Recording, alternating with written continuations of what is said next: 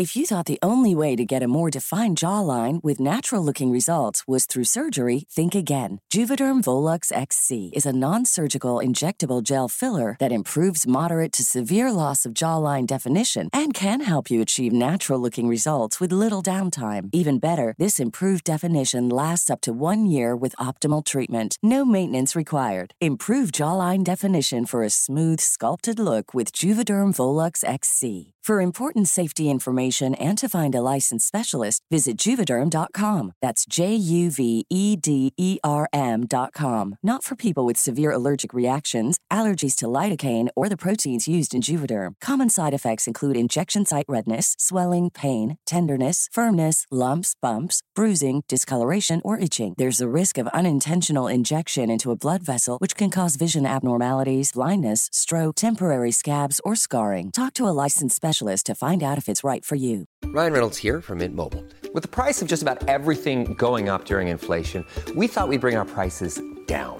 So to help us, we brought in a reverse auctioneer, which is apparently a thing. Mint Mobile unlimited premium wireless. Ready to get 30, 30, bit to get 30, bit to get 20, 20, 20, bit to get 20, 20, bit to get 15, 15, 15, 15 just 15 bucks a month. So, Give it a try at mintmobile.com slash switch. $45 upfront for three months plus taxes and fees. Promo rate for new customers for limited time. Unlimited more than 40 gigabytes per month. Slows. Full terms at mintmobile.com. Du presenteras nu för obekräftad information. I avsnittet får du höra om konspirationsteorier och varför vissa människor tror på dessa. Var därför kritisk till materialet som bygger på fiktion, åsikter och vinklad fakta. Podcasten kan inte ses som en trovärdig källa. In 2002, Biggie's family, including his mother and widow Faith Evans, accused the Los Angeles Police Department of covering up police involvement in the killing. If what Teresa Swan said is true, then Suge Knight got away with murder. Who do you think murdered? The truth will come out.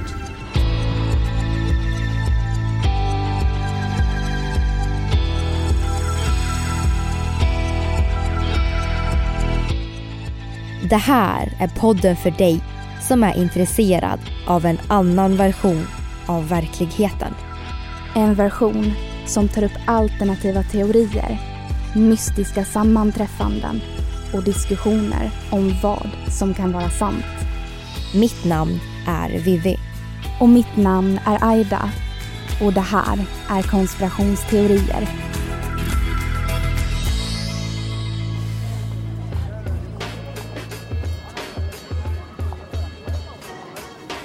Vi ska tillbaka till 90-talets USA.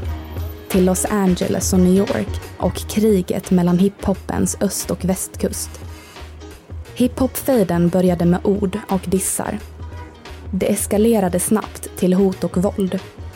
Mordet på rapparen Tupac Shakur triggade ett brutalt gängkrig i Compton. Och allt eskalerade när de kriminella nätverken Bloods och Crips blandades in Dagarna efter mordet sköts medlemmar ur både Bloods och Cribs ihjäl.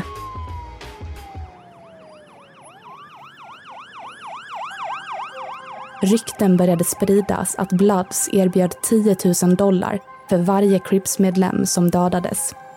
Det blev ett blodbad utan dess like. Samtidigt höjdes röster. Allt fler och fler inom hiphoprörelsen uppmanade varandra att minska på våldet. Ett halvår senare hände något som skulle få konspirationsteorierna att eskalera ännu mer. Den 9 mars 1997 sköts rapparen The Notorious B.I.G. ihjäl.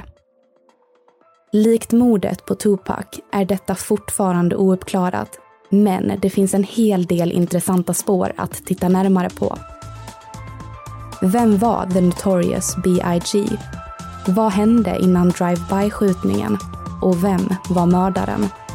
Det ska vi prata om idag när vi ska diskutera en konspirationsteori om mordet på The Notorious B.I.G.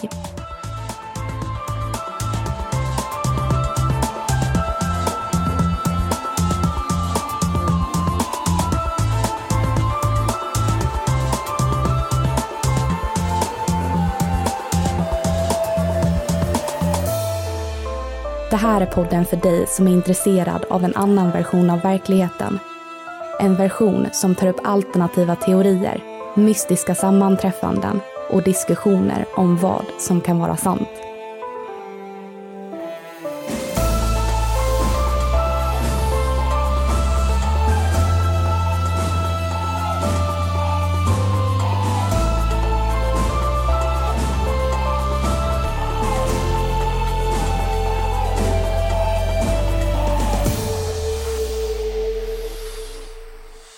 Hiphop-konspirationen, del 2.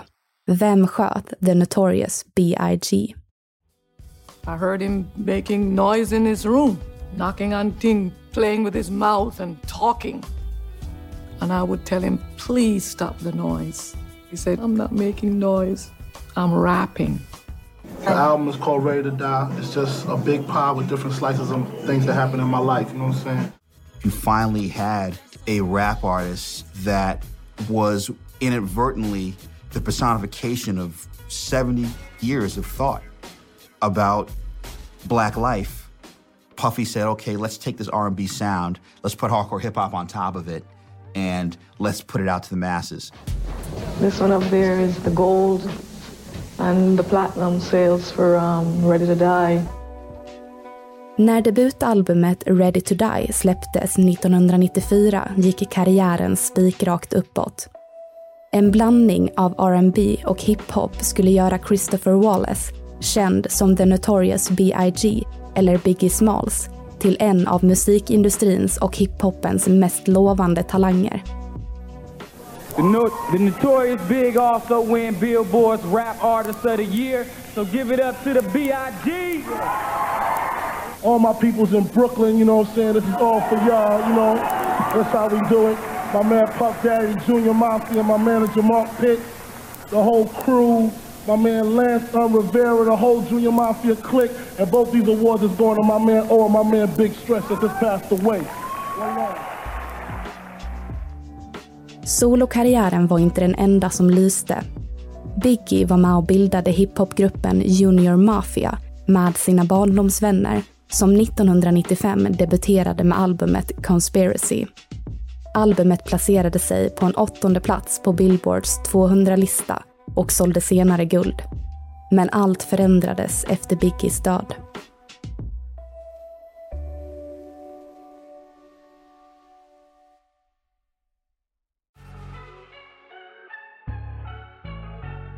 –1997 Soul Train Awards. To present Music Award for Best R&B Soul Single Female are Mercury recording star Brian McKnight, Bad Boy recording star Notorious B.I.G., Bad Boy recording star and CEO Sean Puff Daddy Combs, and Bad Boy recording stars 112.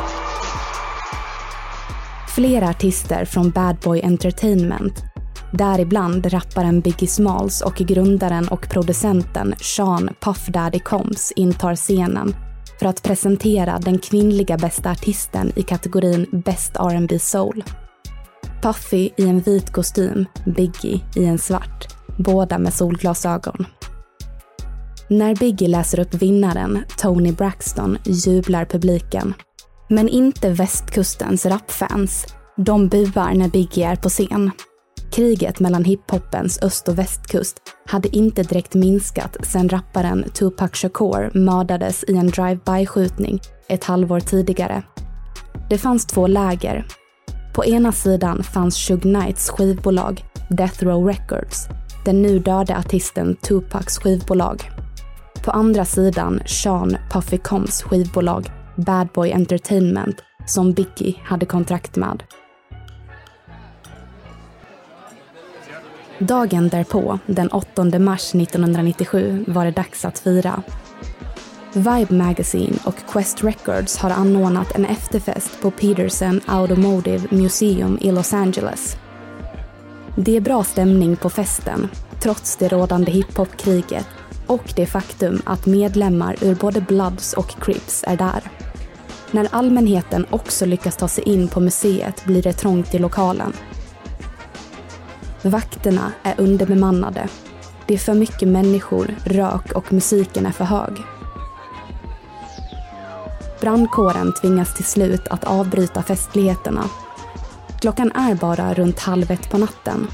Biggie och Puffy bestämmer sig för att röra sig tillbaka mot hotellet för att senare åka vidare mot en efterfest i Hollywood Hills. Men innan passar de på att spela upp några låtar från Biggies nya album Life After Death som snart skulle släppas och ta lite bilder med festfolket.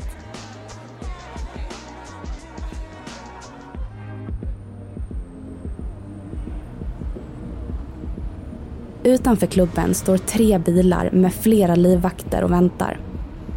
Puffy hoppar in i en av bilarna tillsammans med tre livvakter. Biggie och två vänner tar en separat bil, en grön Subaru med chauffören Gregory G. Money Young. Biggie hoppar in på passagerarsidan, vännerna sätter sig i baksätet. De kör efter Puffys bil på Fairfax Avenue i den tredje bilen, en Chevy Blazer, åkte Bad Boy Entertainments säkerhetsansvarige Paul Offord. När de kommer till trafikljusen på Wildchild Boulevard slår det om till rött. Puffys bil hinner köra vidare, men Biggies bil blir stående vid rödljuset. Allt går fort. En vit Toyota Land Cruiser gör plötsligt en U-sväng och försöker klämma sig in bakom den gröna Subarun. Samtidigt kör en mörk Chevrolet Impala SS upp på sidan av Biggies bil. Föraren vevar ner rutan. Fire department, go ahead. We on Fairfax and Wilshire. What's wrong? We're man shot in our car right now. Okay, they drove up next to us and just shot us the car and the passenger side. Okay, somebody's already on the way. Big, you hear me, baby? I'm standing outside. And at first, I just thought it was somebody shooting in the air, and just human reaction. I immediately ducked, ducked down. Everybody in my car ducked down, and then um, um, I heard somebody yell. You know, they shot at Biggie's car, and then um, I just jumped out of my car and I ran directly to his car. And like all the doors were open. And, you know, he was hunched over. And I was just there. I was talking to him. And the security officer that was driving my vehicle, I told him to just jump in his vehicle. Let's just try to rush him to the hospital. And that's what we did. Puffy lämnade sin bil och sprang mot den gröna suven Biggie fördes snabbt till det närliggande sjukhuset Cedars Sinai Medical Center. Men det fanns ingenting att göra. Skadorna var för omfattande. Bara ett halvår efter rapparen Tupac Shakur mördades i en drive-by-skjutning hade det ofattbara hänt igen. Klockan kvart över ett, natten den 9 mars 1997, dödsförklarades Biggie Smalls, eller Christopher Wallace som var hans riktiga namn, Han blev bara 24 år gammal. Biggie was shot multiple times while sitting in the front passenger side of this SUV. There were plenty of witnesses, but no one could give an accurate description of the shooter. Mord är svåra att lösa. Drive-by-skjutningar kan vara ännu svårare eftersom att det är svårt att bevisa vem det var som satte bilen.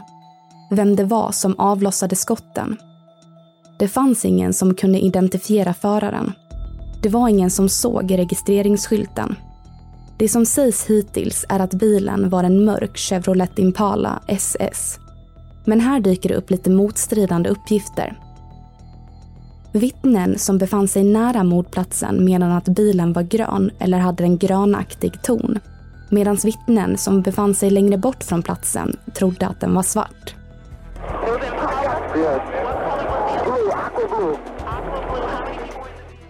Även om vi inte vet om den var grön, grå eller svart så verkar det vara ganska säkert att den var mörk. Enligt flera vittnen var föraren en svart man med blå kostym och fluga. Och av alla fyra personer som satt i den gröna Subarun så var det bara Biggie Smalls som träffades. 15 dagar efter mordet släpptes albumet Life After Death som planerat en dubbelskiva som direkt hamnade på Billboards första plats och fick en enorm framgång.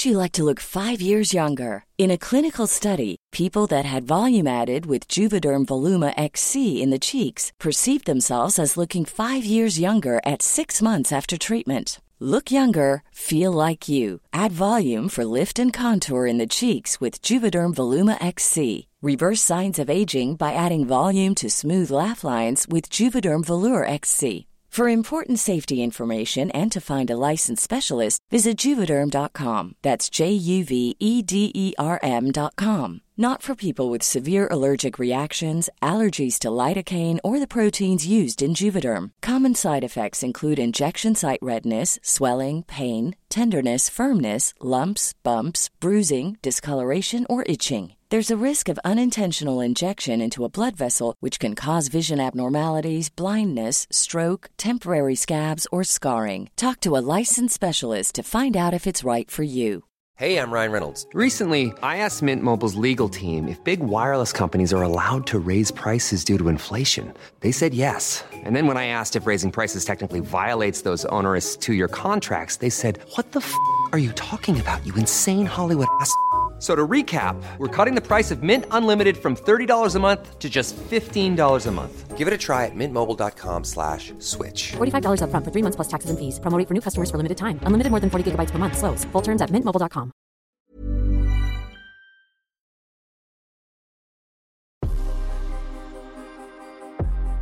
Det fanns nu två läger. Shug Knights skivbolag Death Row Records, fans och teoretiker skyllde Tupacs död på Biggie Smalls. Bad Boy Entertainment, deras fans och andra teoretiker skyllde Biggies död på det kriminella Los Angeles-baserade gänget The Mob Pyros som Shug Knight hade anställt som livvakter på Death Row Records. Polisen i Los Angeles stod inför något omöjligt. Vad gör man när ingen pratar? Utredningen gav ingen framgång.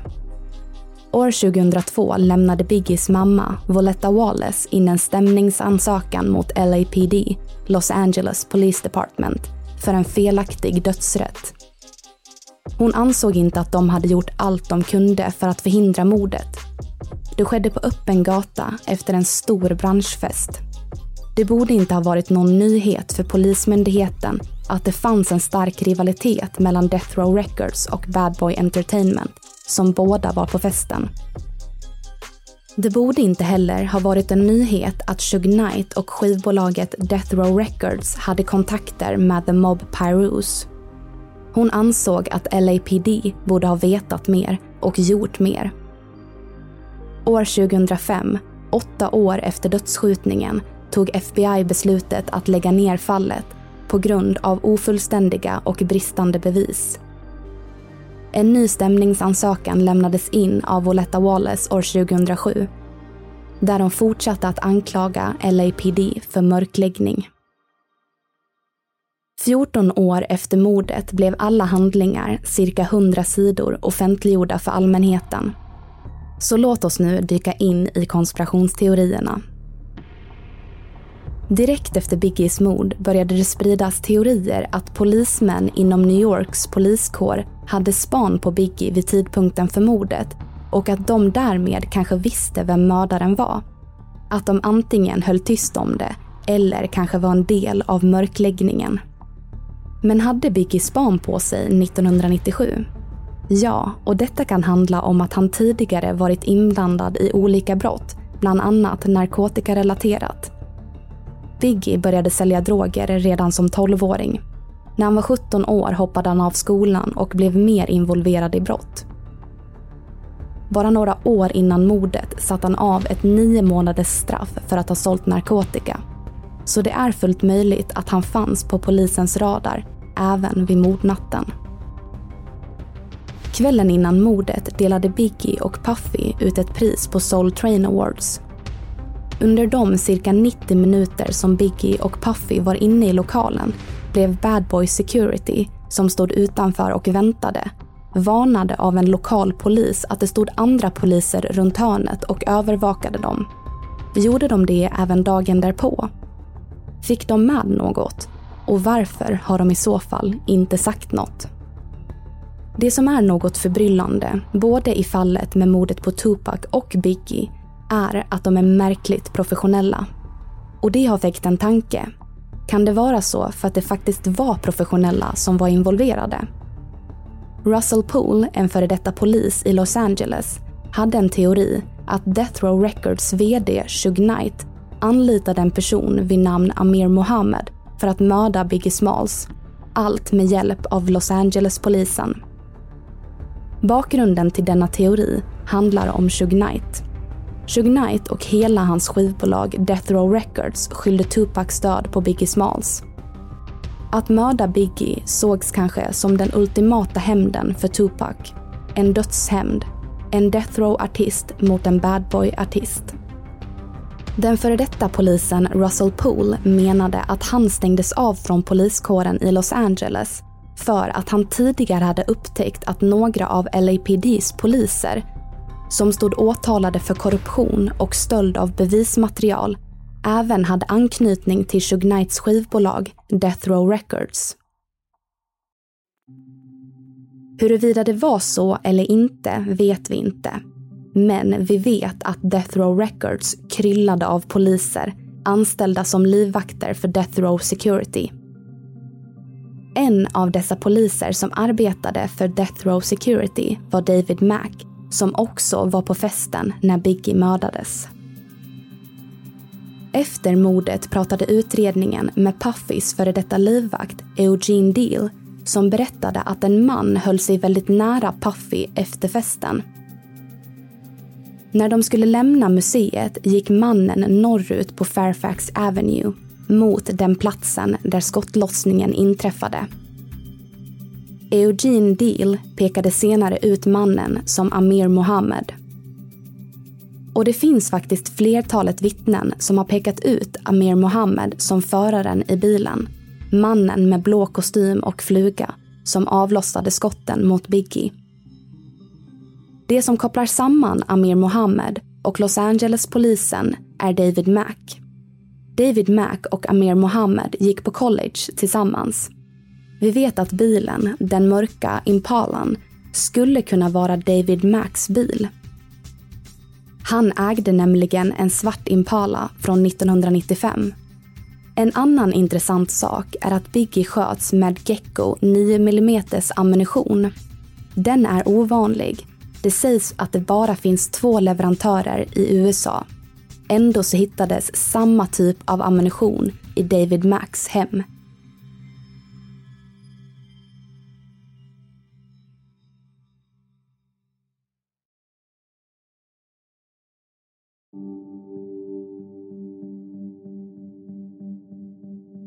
Det finns även en annan teori om Shug Knights inblandning som återigen handlar om att mordet på Biggie Smalls var en hämnd för Tupac.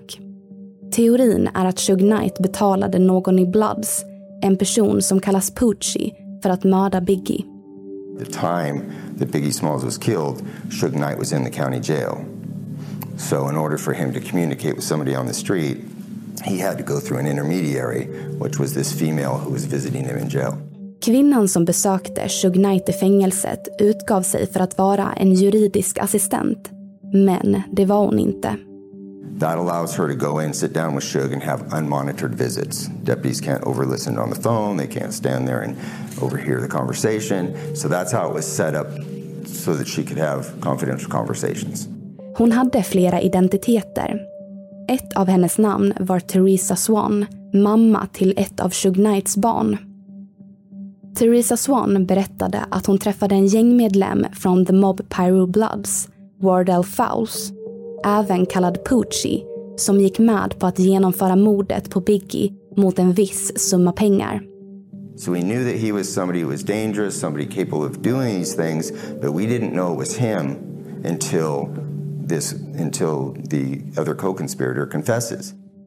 Theresa Swan åkte tillbaka till fängelset och meddelade Shug som gick med på summan och skulle lösa pengarna. Det sägs att det rörde sig om 13 000 dollar som gängmedlemmen Pucci skulle få och 12 000 dollar för Theresa Swans del. Så totalt 25 000 dollar för mordet på Biggie Smalls. Den sista teorin vi ska ta upp angående mordet är att det kriminella nätverket Southside Crips var involverade. Det finns lite olika spår att titta närmare på. En hypotes är att Death Row Records VD Shug Knight beställde mordet på Biggie från fängelset och att det var Cribs som genomförde det. Bakgrunden sägs kunna vara att Cribs-medlemmen Orlando Anderson blev misshandlad av Tupac, Shug Knight och deras följe efter tungviktsmatchen på MGM Grand Hotel i Las Vegas den 7 september 1996, dagen då Tupac mördades. Efter misshandeln dömdes Shug Knight till fängelset. Men märkligt nog så ändrade Orlando Anderson sitt vittnesmål till Shug Knights fördel. Varför gjorde han det? Hade de kommit överens om någonting? Hade Shug Knight erbjudit honom pengar? Ett annat spår är att Biggie var skyldig Southside Cribs pengar för ett säkerhetsjobb som de inte fått betalt för. Tre dagar in i utredningen fick LAPD ett tips från Compton PD att Biggie kanske var i Compton South Park, Cribs område, tillsammans med några från Cribs, samma dag som Vibefesten ägde rum. Besökte Biggie Compton under hans sista dag i livet? Vilka träffade han? Vad hände? Om det stämmer att han var skyldig Cribs pengar som han inte betalade kan det vara så att de mördade honom senare den dagen? Enligt en FBI-informatör brukade Biggie och Crips-medlemmen Keefe D hänga när Biggie var i stan. Precis i början av mordutredningen gick informatören förbi Keefe Ds flickväns hus och såg att det stod en svart Impala parkerad på innergården, delvis övertäckt. Om det faktiskt var den bilen eller inte är svårt att säga, för i princip alla verkade ha en Impala vid tidpunkten. Och enligt Kifedi själv så befann han sig i garaget när Biggie sköts. Man kan också ställa sig frågan om det verkligen var Southside Cribs som mördade Biggie om det skulle vara så att de mördade Tupac. Vad fick de ut av båda morden? Det finns en teori att Cripps mördade Biggie på grund av att han var skyldig dem 30 000 dollar för mordet på Tupac, men som han inte tänkte betala. Morden på både Tupac Shakur och Biggie Smalls omges fortfarande av spekulation och tusentals konspirationsteorier. Kommer vi någonsin få veta vilka mördarna var? Vad tror du?